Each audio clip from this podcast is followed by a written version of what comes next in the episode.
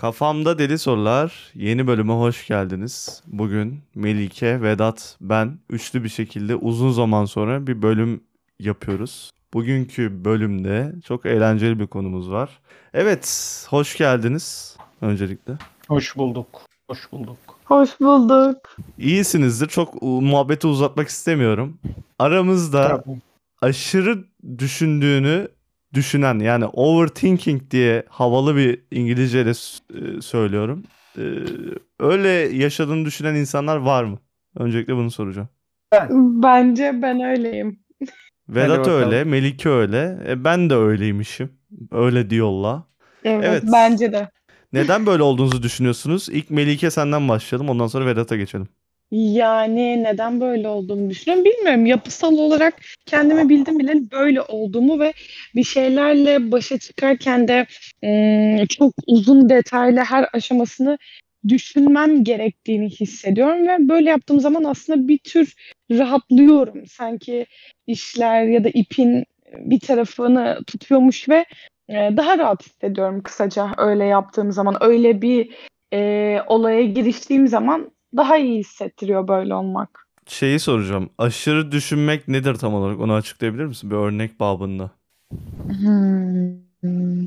Aşırı düşünmek bence bir şeyi yani kafaya takmak gibi de olabilir ama bir olayı eline boyuna her şekilde uzun uzun düşünüp her detayıyla planlamak da olabilir bence. Bana katılıyor musunuz bilmiyorum ama Bence öyle değil de bir örnek olarak ver yaşadığın bir şeyde. O zaman sizden bir örnek alayım. O zaman Vedat'a geçelim. Vedat söylesin. Ondan sonra şey yaparız. Hmm, nasıl söyleyeyim?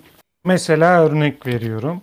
İş yerindesiniz. Bir tane arkadaşınız geliyor size diyor ki işte atıyorum bir tane ya da arkadaşınız, ekip arkadaşınızdan yardım isteyeceksiniz. Ya da çok böyle hani çıkar ilişkisi içerisinde bulunduğunuz bir insan size bir hediye alıyor. Hı hı. Bu durum karşısında vereceğiniz tepki ne olur? Zihninizden nasıl bir süreç geçer?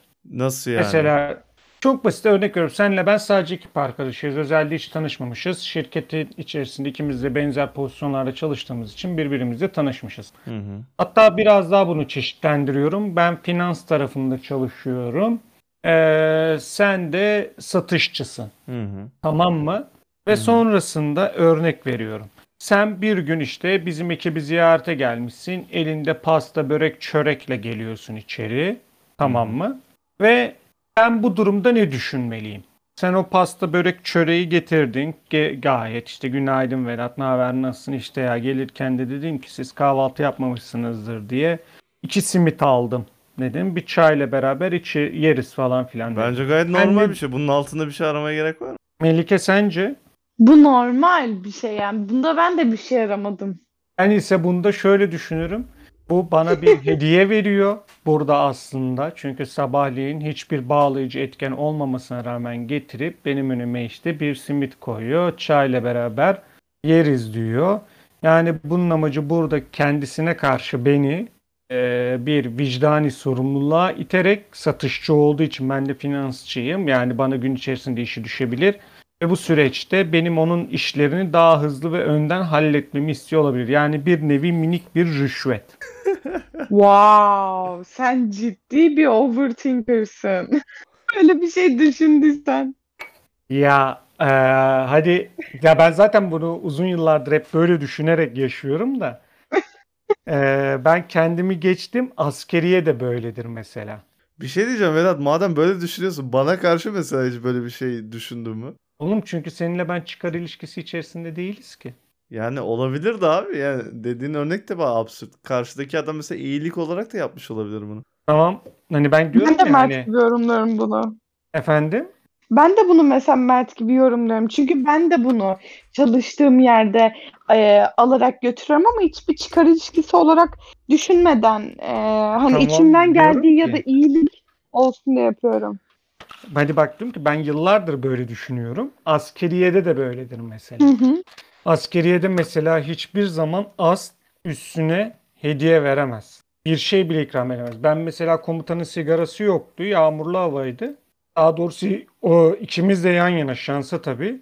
duruyorduk. Ben böyle sigara yakmıştım. Adam da yanımda şimdi doğal olarak. Ben de tuttum dedim ki komutanım sigara içer misiniz dedim. Bana baktı dedi ki yok dedi almam dedi.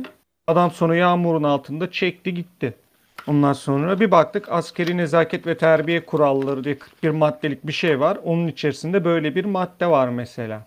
As üstüne hediye veremez. Çünkü bu rüşvet yerine geçer. Ama şöyle bir olay da var bu arada Melike. Hani Hmm. bak ben kendimi de geçtim diyorum. Hı hı. Hani ben yıllardır böyle düşünüyorum da askeriye de bunu diyor. Yani demek ki hani binlerce insanın giriş çıkış yaptığı bir kurumda da demek ki bir sürü tatsızlık yaşanmış ki bununla alakalı.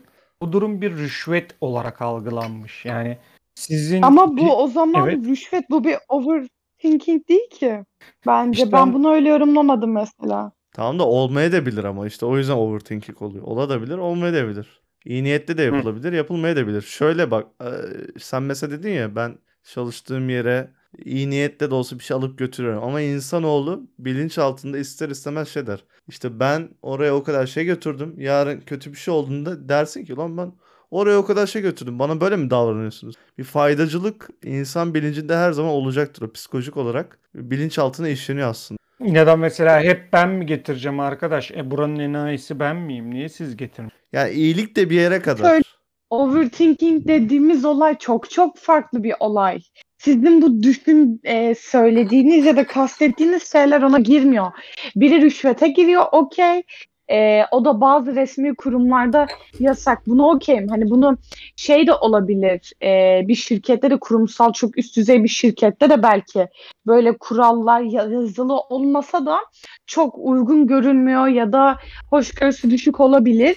Fakat e, bu hani benim verdiğim örnekte de bu öyle bir olay değil aslında. Overthinking olayı herhangi bir olayı içinde büyütüp e, günlerce düşünüp kafada tartıp tartmamak, aşmak, e, aşamamak ya da sürekli o e, cümle şeyle işte düşüncelerle aslında düşmek kalkmak zihninde. Hmm. O zaman Hani bu Vedat şey değil. Overthinking dediğimiz şey bir şeyi çok düşünmek. Bir olaya girmeden mesela bir iş seçeceğiz değil mi? En basitinden aklıma ilk gelen örneği veriyorum. Ya da bir cümle söyleyeceğiz mesela karşımızdakine. O nasıl düşünür? Onun bana reaksiyonu nasıl olur? Onun bana reaksiyonunda ben nasıl tepki gösteririm? Olay neyden neyi hani doğru sonucunda nasıl olur? Bu ilişki nereye gider gibi vesaire vesaire vesaire bir kavram. Overthinking dediğimiz şey. Hmm. Ya o zaman Ona göre ben dedim overthinking. Tamam. Hmm, o zaman da iş dünyasında özellikle beyaz yaka çalışan herkes birer overthinking yapıyor. Yani Ne be, gibi? ürün biraz agresifse ben bunu ne zaman sunayım bakıyorsun. hmm, sabah geliyor içeri "Hmm, bu biraz surata ekşi o zaman ben bunun çayını içmesini kahvesini içmesini bekleyeyim. Şöyle biraz daha bakalım o zaman bu bana bunu derse şunu derim. Bu bana bunu derse şöyle yaparım böyle yaparım böyle yaparım böyle yaparım diye 500 farklı senaryo zihninde kurarsın. Mesai saat 8'de başlıyor. Sen 11 gibi adamın yanına gidersin. İşte bla bla bla müdür bey hanım. İşte böyle böyle böyle böyle bir şey var. Bu durum hakkında ne yapmamı istersiniz? Adamın belki de ya da kadının orada vereceği tepki tamam yap tamam yapma olacak. Ama sen tutarsın bununla alakalı 1 milyon yığınlık senaryo düşünürsün. Duruma göre bir gün iki gün Evet. evvelden de düşünürsün. O yüzden diyorum hani bütün beyaz yaka çalışanları senin dediğine kıyaslarsak birer overthinker. Olabilir çünkü senaryo kurmak da bunun işin içine giriyor bence. Yani ben olduğumu söylerken buna dayalı söylüyorum. Yani Mert biliyor bir şey söylemeden önce ya şöyle olursa böyle olursa böyle tepki verirse hatta Mert bazen diyor ki ya söyle gitsin hani bu kadar düşünme diyor. Ona nazaran söylüyorum. Demek istediğimi anlatabildim mi? Hı hı. Hı hı, Anladım. Ya Anladım. orada ince bir çizgi var bu Mert? arada. Atıyorum ben mesela çok Hı hı. Bir yere giderken önceden şey yaparım mesela. Şuraya şu saatte gidersek şöyle rahat gideriz falan. Mesela bu overthinking değil. Bu planlama. Ama bunun daha absürt Tam- bir versiyonunu Ama yaparsak orada o olur. kapanıyorsa planlama. Ne? Hani mesela o orada kapanıyorsa bir planlama. Ha tamam Onu oradan aynen. uzatıyorsan enine boyuna. Ben mesela demek ki değilim yani. Bilmiyorum benim var mı öyle bir şeyim de. Ben kendimce Ya ben- çok çok düşündüğümü düşünmüyorum. Kafaya tak. Bilmiyorum ki ben Ama Yani Vedat'ta herkese- var o. Ben Vedat'ı şahsi olarak tanıyorum. Bazı konulara şimdi özel olduğu için çok şey yapmıyorum ama gereksiz e, detaylı olarak yani herif resmen kafasında bir roman yazmış. Karakterleri de çizmiş. Şey yapmış. Bütün Herkese belli 10 yıl roller vermişim. sonrası falan var böyle. Adam ona Efendim? göre yaşıyor yani. Efendim? Kafandaki romanda böyle her karakterin bir 10 yıl sonrasını planlamasını yapmış gibi yaşıyorsun böyle. Kim nereye gider, kim nereye gidecek bilmem ne. Aynen aynen. Mesela Vedat'ı o konuda şahsi olarak çok iyi bildiğim için Vedat tam bir overthinker yani. İş hayatı falan bunları çok şey yapmıyorum. Spesifik örnek de veremem. Özel hayatın gizliliği. Ee, hı. yani o yüzden Vedat mesela tam bir overthinker yani. Allah Peki bir şey öyle- hani- söyleyeceğim. Orada ben overthinker'ım dememin sebebi hani böyle dışarıdan geliyor. Mesela kız arkadaşım da diyor sen çok farklı düşünüyorsun bilmem ne falan diyor. Mesela Mert diyor ama ben bilmiyorum kendim öyle miyim hani öyleymişim. E, kendine normal gelirsin her zaman. Kendinle hep yaşadığın için Ee, afilli bir cümle. Bunu yazdım sonra kullanırım. satarsın. Evet Melike'cim sen bir şey diyordun. Ee, peki bunun e, dezavantaj olduğunu düşünüyor muyuz? Ya da bizi gerilettiğini hiç fark ettik mi? Böyle bir soru. Ben başlayayım. şahsi olarak. Kesinlikle Yani bir dezavantaj. Sizde olduğunu düşünmüyorsanız bile bu sizce bir sorun teşkil ediyor mu insanlarda ya da insanların hayatında e, negatif bir efekti oluyor mu? Bu kesinlikle bir ruhsal bir problem olduğunu düşünüyorum. Ee, yaşama biçimi, Neden? öğretilme şeyiyle. Sonuçta doğada bile her şeyin fazlası zarar. Yani çok düşünmek de zararlı bir eylem olması gerekiyor bu formüle göre. Ee, Tamam ama normal peki- basit yapacağın bir işi çok düşündüğün için yapamazsın. Ya en basit örnek açıklarsak yani şuraya gitsem ölür müyüm? Başıma saksı düşer mi? O yüzden sokağa çıkmayayım. Evde kapalı durayım. Ya bu mesela bir fazla bir overthinker'ın yaşattığı bir negatif bir hayatına bir etkidir yani. Atıyorum ölme korkusuyla herif çok düşünürse dışarı bile adımını atamaz. İlginç bir bakış açısı. Vedat senin bir bakış açın var mı? Nasıl resmen bir şey e, şey yönetiyorum, toplantı yönetiyor Modern. gibi hissediyorum. Yani şöyle ben şimdi kendi görüşümü diyeyim. Bence e, overthink yani aşırı düşünen bir kişi olmanın herhangi bir zararı olduğunu ben düşünmüyorum. Onun sebebi de şu e, hata yapmaktansa onu hani hiç yapmamak daha sağlıklı. Abi Çok tamam da mantıklı. hiç katılmıyorum. Mesela e, örnek vereceğim. Bir çok sevdiğim bir arkadaşım var. Herif e, deli gibi piyasa falan takip ediyor. Atıyorum bu Bitcoin, borsa, morsa. Adam o kadar çok Vay. düşünüyor ki yani yok şuradan gireyim, yok şurada düşer. Adam onu düşüneceğim diye bir türlü e, şey yapamıyor. E, yatırım yapamıyor. Yani herif araştırıyor, araştırıyor ama ben hiç para kazandığını görmedim. Ya bu gereksiz bir overthinking olduğu için adam yani Ama bir bir türlü şey atılamıyor yani oraya. her şey o şekilde değil ki. Evet bir overthinker olabilir fakat sonucunda e, tepki yani tepki alıp yani nasıl söyleyeyim bir işe girişip girişmemek o kişiye kalmış. Biz overthinker'ı sadece olayda anında kalma olarak yorumlamayalım. Mesela çok düşünüp de planlayıp da enine boyuna planlayıp çok başarılı olan insan da vardır. Tamam da Ben o adı mesela hani planlama diyorsun. Vedat'ın O dediği gibi overthinker değil ki zaten. Neden? O planlayıcı insan. Overthinker biraz daha böyle e, rahatsızlık yani. Rahatsız edici bir seviye. O daha başka. Planlı insan olmak Tamam. en başında söyledim. O ayrı bir seviye. Sen bak dedim ya yol örneğinde bir yere gitmeden önce planlarsın ama daha da böyle abartılı bir şekilde onu şey yaparsan o zaman over, overthinker olursun. Tamam ama sonucu olarak mesela senin dediğin yere geldim yola çıkma vesaire düşündüm ettim. Düşündüm hesapladım. Tamam kaza geçireceğim ama şöyle de düşünebilirim mesela. Hemen kendimden pay biçiyorum. Bunu yaparsam kaza geçirebiliyorsam bunu yapmazsam böyle korunursam kaza geçirmeden sonra biraz geç Tamam. kalmış olurum ama tekrar planımı işe koyabilirim. Yani o e, düşündüğüm düşüncemi kafamda tartıp enine boyuna overthinkerlık yapıp e, icraat edebilirim. İlla biz overthinkerlı şey mi yapıyoruz? Düşüne düşüne düşüne sadece o anda kalarak bir sonuca varmayarak olarak mı düşünüyoruz? Bilmiyorum bana overthinkerlık öyle geliyor. Siz bundan önceki 10 dakikadır öyle lanse ettiniz çünkü bana. Daha böyle absürt bir seviye olduğunu düşünüyorum. Yok. Ben neydi onun adı? Ben harekete geçmemesi olarak demedim. Ben de öyle Hare- demedim. Yani neyse şimdi. Velev ki harekete geçmesin bu arada. Mert'in anladığı üzerinden hikayeden ilerleyelim. Hı hı. Ee, şimdi bu arkadaş mesela yine borsadaki arkadaştan örnek verelim. Şu ana kadar kazandığı para mesela örnek verelim sıfır olsun. Tamam mı? Ama bu kadar çok düşünmese belki zararda kapatacak tüm bu kripto işlerini. E tamam da karda da kapatabilir. %50 %50. Yo %50 %50 değil abi. %50 %50 olması için ikisinin de içerik olarak 50-50 ayrılması gerekiyor. Kazanmakla kaybetmek özellikle kripto para piyasasında. Ya tamam da adam 50-50 hiç mi? girmiyor ki işte. Yani Onu anlatmaya çalışıyorum. Mesela iddiayı da oynayalım o zaman abi ne de olsa 50-50 ya kazanırsın ya kaybedersin. Ama iddianın içeriğine baktığımız zaman o kadar çok ihtimal var ki bunun içerisinde kazanma örnek veriyorum belki de %15. Hı hı. Ya Kaybetme mesela ben orada şey %85. olarak örnek verdim. Ya gitmek ya gitmemek gibi %50 dedim. Ya yok tamam adım, a- hani adım atılsın da ben adım atılsın demiyorum. Ben şunu tekrar diyorum. Bir harekete geçerken mühim olan nokta harekete geçmek mi? Yoksa mühim olan nokta kazanıp kaybetmek. Eğer mühim olan nokta kazanıp kaybetmekse adam kaybetmiyor sonuç olarak. Hani şunu de şunu de bak şimdi Ama normalde kaybediyor yani bu arada. en- Neden en kaybettiğini karar- söyleyeyim mi sana? Efendim? Neden kaybettiğini söyleyeyim mi sana? Neden? Durmadan piyasa araştırıyor. Zamanını harcıyor ve elinde tutan hiçbir şey yok. Kazandığı bir şey. Zamanı gidiyor ama elde var sıfır. Bu kaybetmek değil mi? Zaman açısından bakarsak evet. E, zaman da çok bakarsak değerli için. kaybetmek. Efendim? Zaman da çok değerli bir kavram sonuç olarak. Yani sonuç olarak Ama adam her peki- türlü eksiğe giriyor aslında. İşte burada da bakış açına göre değişiyor. Mesela para üzerinden de bakarsak o arkadaş hiç para kaybetmemiş. Hani işin en felsefesine kötü girersek karar- para kaybetmiş aslında ama. yok pa- sonuç olarak para kaybetmemiş baktığımız zaman. Zamanı kaybetmiş ama Zaman- para kaybetmemiş. Zaman Ve şunu eşdeğer diyorum paradır. Vedat'cığım lütfen. İktisatçı adamsın. ben. Tamam. Şimdi Peki, evet Melike dinliyoruz. peki sizce bu eee, overthinking dediğimiz şey ne tür, ne tarz ya da nasıl insanlarda meydana gelir? Yani ne tarz insanlarda genel eee, overthinker olur? Açıklayabildin mi?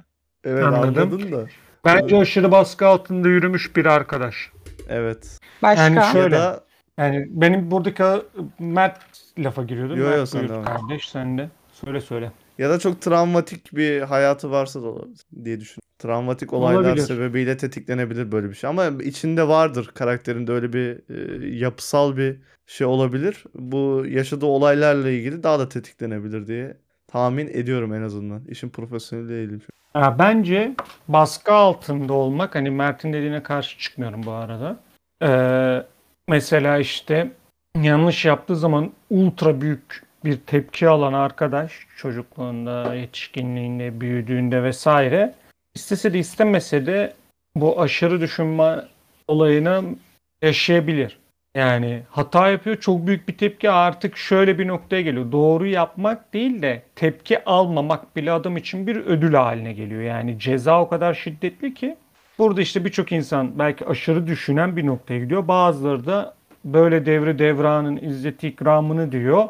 Komple çatlak olup çıkıyor. Yani Hmm. eee, Kabul edilme dürtüsüyle diyorum. yapıyor yani. Efendim? Kabul edilme dürtüsüyle yapıyor. Yani, ya azar işitmeme dürtüsü Anladım diyelim. anladım. Yani demek istediğin çok doğru bu arada. Katılıyorum. Yani durmadan ka- Melik örnek veriyorum. Melike şu an jim, şey pilates yapıyor. Bacağını sıfır açması gerekiyor diyelim. Şu an yazıyorum bütün senaryoyu. Ama Melike bacağını sıfır açmayı beceremiyor diyelim. İşte Mert de Melike'nin pilates hocası, eğitmeni bir şey. Ve Melike bacağını her açamadığında Mert Melike'ye ağzına geleni söylüyor. Bir noktadan nasıl sonra hocasın vesaire. yani bir sürü şey söylüyor Melike.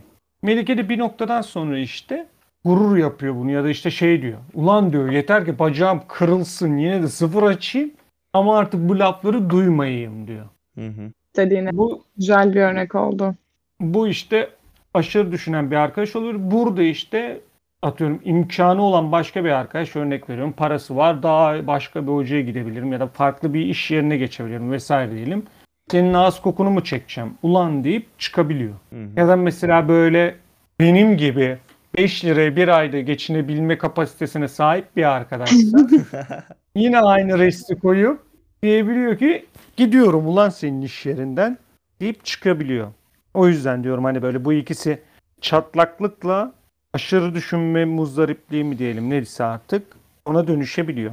Çok güzel bir örnek oldu Melike'cim. Sen ne düşünüyorsun? Ben mükemmelliyetçi insanlarda olu- daha sıklıkla olabileceğini düşünüyorum. Hmm. Çünkü eee mükemmelliyetçi insanlar enine boyuna düşünür. Eee, evet bir zafer kazanır ama eee, daha çok gelecekle alakalı da planlama yapar. Enine boyuna detaylı düşünür. Bütün pişmanlıklarını düşünür. Yani travmatik olay yaşamış insanlar da olabilir ama ya geçmişini çok düşünen, e, pişmanlık duyan insanlar olabilir ya da mükemmeliyetçi geçmişteki pişman olduklarını şu ana taşımak istemeyip aşırı düşünen ve geleceği planlayan insanlar olabileceğini düşünüyorum. Yani öyle bir düşündüğüm zaman aklıma ilk Hmm. geldi. Dediğin örneğe katılıyorum. Ee, yani bilmiyorum işte bu baskı altına yetişmiş olan insanlardan, aileden onay alma e, ya da gözüne girmek isteyen insanlar da mükemmeliyetçi e, bir psikolojiye ya da mükemmeliyetçi insan olma yoluna girdikleri zaman ufacık bir onay almak için bile geçmişte ile alakalı çok pişmanlık duyup bunu yapmasaydım gibi dürtülerle de çok düşünüp başa çıkıp bir overthinking yapabilir ya da gelecekle alakalı bunu nasıl daha iyi yaparım, nasıl daha iyi aferin alırım, nasıl yükselirim, Hmm. şuraya şu boyuta nasıl gelirim, o nasıl bu nasıl derken böyle bir hal de alabilir diye düşünüyorum. O zaman ben size şöyle bir soru soracağım. Aşırı düşünme normal midir? Sağlıklı mıdır? Sağlıklı olması bence tartışılır bu arada. Ben benim açımdan e, ileri boyutunu söyleyemem ama düş, e, yine, de enine boyuna tartan insanları seviyorum. Yani kendim de öyle olduğum için. Bu bence bir insanın artısıdır. Tabii ki bana göre. Evet Vedat. Aşırı boyutunu söylemiyorum. Ee, aşırı düşünen bir insan avantajlı mıdır, dezavantajlı mıdır? Ya bunu nasıl kullandığına bağlı. O yüzden tam olarak avantajlı, dezavantajlı diyemiyorum. Çok politik cevap Bir de veriyorsunuz. çevreye zarar bir de çevreye zarar vermiyor aslında aşırı düşünen insan. Çevreye zarar verdiğini ya da e, birini yorduğunu gördünüz mü? O insan sadece kendisine yapmıyor mu sizce? Makamına göre değişir ya. Nasıl yani mesela? Yönetici bir insansa çevresindekilerin ağzına sıçabilir ya. Hmm. Ya abi ben bilemedim ya. Yani şimdi diyorum yani bunu ciddi anlamda bana diyorsunuz ki yani şu anki iş yerimde de öyle derdi eski finans müdürüm. Bu çocuk tam diplomat olacak çocuk. Politik cevap veriyor hep derdi bana. Ee, ama gerçekten şimdi yani o hani aşırı düşünen birisin, bir arkadaşsın. Ama diyorum ya bu hani bir ya şöyle diyeyim ilk başta benim için doğru ya da yanlış hani yok. Kolay kolay da olmayacak. Mühim olan nokta elindeki yeten, elindeki imkanlar ne? Bunu nasıl kullandın? Bunu neye çevirebildin? Hani basit bir örnek verirsek de kimileri gider doğalgazdan elektrik üretir, kimileri gider atıklardan elektrik üretir. Mühim olan nokta onu neye dönüştürebildin? Hı hı. Hani o yüzden diyorum aşırı düşünme bir hastalık mı, bir negatiflik mi? Hani Gerçekten bilemiyorum. Çünkü hani belki tamam diğer A, B, C'dekilere göre daha yavaş karar alır ama eğer emin olduğunu hissettikten sonra örnek veriyorum yani %70 benim barajım bir şeyden %70 eminsem harekete geçerim arkadaş deyip her %70 emin olduğunda vuruyor ve her 10 vurduğunun 7'si de başarılı oluyor desek o zaman bu arkadaş için büyük bir avantaj bu. Sonuç olarak düşünmeden harekete geçen birçok insanın çok önüne geçiyor. Ki hani gerçekten hani iş dünyasında görüyorsun mesela hani gerçekten böyle hani iş dünyası olabilir, özel arkadaş olabilir, yeni girdiğin ortam olabilir, ikili ilişkiler olabilir. Her türlü şekliyle gözüne çarpıyor ve hani öyle insanlar lan bunu nasıl böyle diyorsun oğlum sen? Sen manyak mısın? Bu böyle denir mi? Oluyor. Yani dediğim gibi mesela ama çok hani Sinoplu bir filozof varmış Roma döneminde. Ulan Sinop'tan da filozof çıkmış. Ha Vay şey unuttum lan. Anladım. Neydi? Çok ünlü bir filozof. Evet dur unuttum. Hemen ismine bakacağım bir saniye. Diyojen. Heh, Ha, Diyojen. Diyojen. Diyojen'in şöyle bir şeyi varmış, sözü varmış. Doğru mu bilmiyorum. Tan, e, yeryüzünün en lanetli olan insanları hani böyle bir sürü planları, hayalleri olup bunu gerçekleştirecek enerjiden mahrum olan kişilerdir Hmm, demiş. duydum Çünkü bunu. kendi cehennemini kendi yaratıyor zihninde. Doğru. Bunu işte Romalı, Aşırı fe- katılıyorum. Romalı, Romalı filozof böyle demiş Sinoplu. Filozof. Hani o yüzden diyorum hani mühim olan nokta avantaj dezavantaj değil. Kullanıp kullanamadın. Kardeşim koskoca Anadolu İrfan ne demiş? Gamsız ol hayatını yaşa bu kadar basit. Wow. Anadolu irfanından şaşmayacaksın. Atalarımız söylemiş yani. Ben çevremde de görüyorum. Gamsız insan yaşlanmaz. Doğru ama acaba nasıl yaşlanmıyor? Yani mutlu mu? O tavırlarından Mutlu ki yaşlanmıyor. insan kalmış mı? Kalır mutlu ki yaşlanmıyor demek. Hmm. Yalnız olduğu için yaşlanmıyor. Yani ya faktör çok var. Mesela Vedat'ın dediği çok doğru. %75'e geldiğinde o kararı okeyse onu yapabiliyorsa mükemmel bir şey. Ama atıyorum hiç o raddeye gelemiyorsa o sıkıntı. Yani orada yapacak bir şey yok. Hmm, Bok gibi bir Öyle hayat var varsayımlar yani. üzerinden ilerliyorsak katılıyorum dediğinize. Evet. Yani bir, ş- o yüzden diyorum lanet mi, hediye mi? Dengesini bulursan hepsi nimet. Bu kadar basit. E, Tabii canım her şeyin bir dengesi, denge noktası mühim. Evet. Katılıyorum. Her şey bir denge üzerine kurulu. Evet. O yüzden çevrenizde terazi burcu insanlar olsun. Vay kendi reklamını mı yaptın? Olayı nasıl kendine çevirdin ya? Olay hep bende. Avatar'daki o ağaç benim. Avatar'da ağaç mı var? Burayı Ha, yayınlatmıyoruz. Filmdeki, ağa- filmdeki ağaç. Aynen. Herkes birbirine bağlayan. Ben şey sandım. Şu çizgi film var ya. Ha yok o hava bükücü değil. e, Last Airbender. Neyse 30 dakika olmuş. Eklemek istediğiniz bir şey var mı? Can sağlığı. Size bırakıyorum sözü. Ee, orta Tamam. noktada buluşamadık. Aşırı düşünmek normal midir? Yani anormaldir bence. Ama e, Bence yönetilirse normalde normaldir. daha normal bir tanım getirmiyorum ben. Mühim olan nokta hani nasıl mutfak dolabındaki malzemeden en iyi yemeği çıkarmaksa amaç karakteristik özelliklerinden ultimate sonuçlar elde edebilmen. Şöyle planlayıcı alt tarafı planlayıcı üst tarafı takıntılı. Ortasında olacaksın. Ha, öyle ya. Ben işte burada ta- şey de getirmiyorum. Diyorum ya, Tanım da mesela abi hani ben- Şimdi sen mesela şekilde. takıntılık kötü bir şey diyorsun abi. Evet. Ama, ama neydi onun adı? Başarı ya da bir şeyin e, nihai noktaya erebilmesi için de takıntılık gerekiyor. Yani o da doğru. Yani insanın ne kadar başarıya ihtiyacı var o da tartışılır. İnsanın Yani doğasında başarı diye bir şey mesela- var mı? O da var işte. Efendim? Başarı diye bir kavram var mı ya normalde insanın doğasında? Var tabii oğlum olmasa bu noktaya kadar Bu, bu bir sonraki podcast olsun. Hiç buna girmeyin. Abi abi ekonomik sistem bile bunun üzerinde Tamam yani oğlum ekonomik sistem dediğin sonradan yaratılmış bir şey. Doğal bir şey değil ki. Ben daha dipten başlıyorum. Sen daha modern insanı düşün. Tamam abi dipten de başarı diye bir şey vardır ya. Etme eyleme ya. Zamana göre başarının tanımı değişir ama başarı vardır abi. Başarının olmadığı bir dünya olur mu? Yani çok Bence niş bir olabilir. şey demeyi getirirsen bilemem ama genel olarak bence aksi bile şey yapılamaz. Aslında bu sonraki konu olabilir. Bunun hakkında benim de söyleyeceğim. Aslında biz başarıyla çok şey var, ilgili bir şu an bölüm açmak yapmıştık ya. Hatırlarsan Vedat. Evet vardı öyle bir bölümümüz. Neyse kapatıyorum bu bölümü. Hı hı. Ağzınıza sağlık. Gelecek bölümlerde görüşmek tamam. üzere. See you. Hoşçakalın. Görüşürüz.